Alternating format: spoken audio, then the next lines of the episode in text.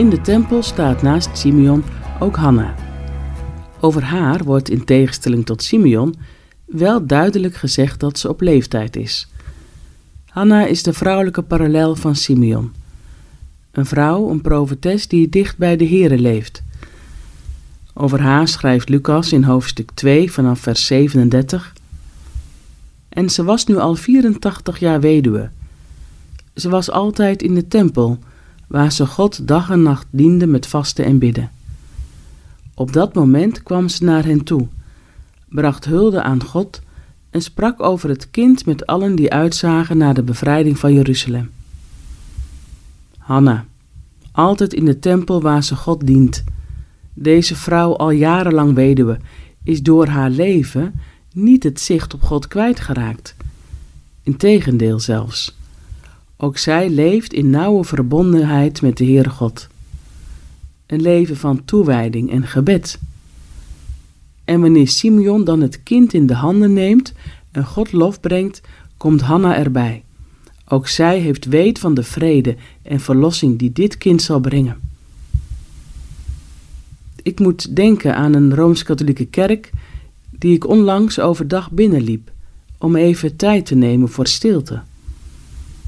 Een oudere vrouw kwam binnen, duidelijk gewend om hier dagelijks te komen, tijd te nemen voor gebed, te knielen op de knielbank en het ontvangen van de Eucharistie. Zo'n vrouw die volhardt en in haar gebeden, haar familie, haar zorgen, haar leven bij het kruis brengt. En zo'n vrouw die soms amper opvalt.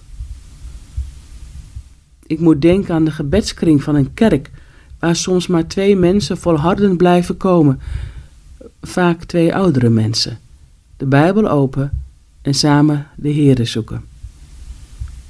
Misschien ken jij ook wel van die oudere mensen in de omgeving die dagelijks bidden.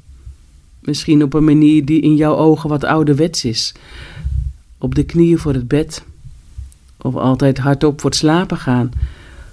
Of mensen die net voor de jaarwisseling stilte vragen, de tv gaat uit en dan de Heer danken en een psalm lezen.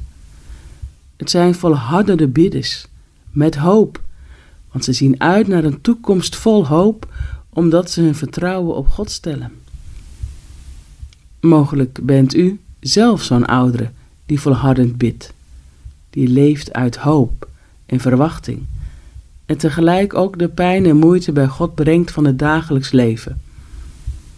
En de mensen noemt voor wie jij verlangt dat ze Gods vrede en heil zelf mogen gaan ervaren.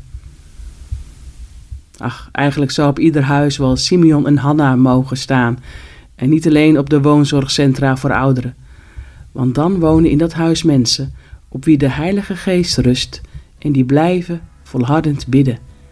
Dan is het een huis van God. Eer aan de Vader en de Zoon en de Heilige Geest, zoals het was in het begin, en nu en altijd, en in de eeuwen der eeuwen.